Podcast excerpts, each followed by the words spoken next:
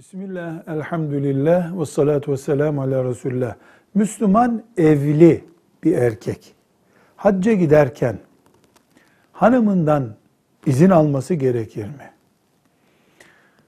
Müslüman bir erkeğin hacca gidebilmesi için ev halkının hanımı ve çocuklar, bakmakla yükümlüyse babası, annesi, onların o dönünceye kadar ki ev kirasını, elektrik, su parasını, bakkalda harcayacakları parayı, tedavileri varsa tedavilerine ait masrafları eve bırakması lazım.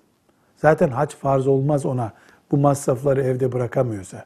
Bunları temin edip bıraktıktan sonra kadın seneye beraber gideceğiz vesaire gibi bir gerekçeyle erkeğin haccına mani olma hakkına sahip değildir.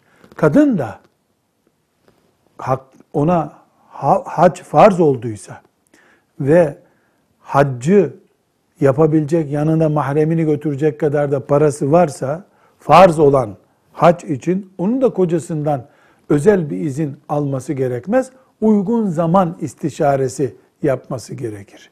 Velhamdülillahi Rabbil Alemin.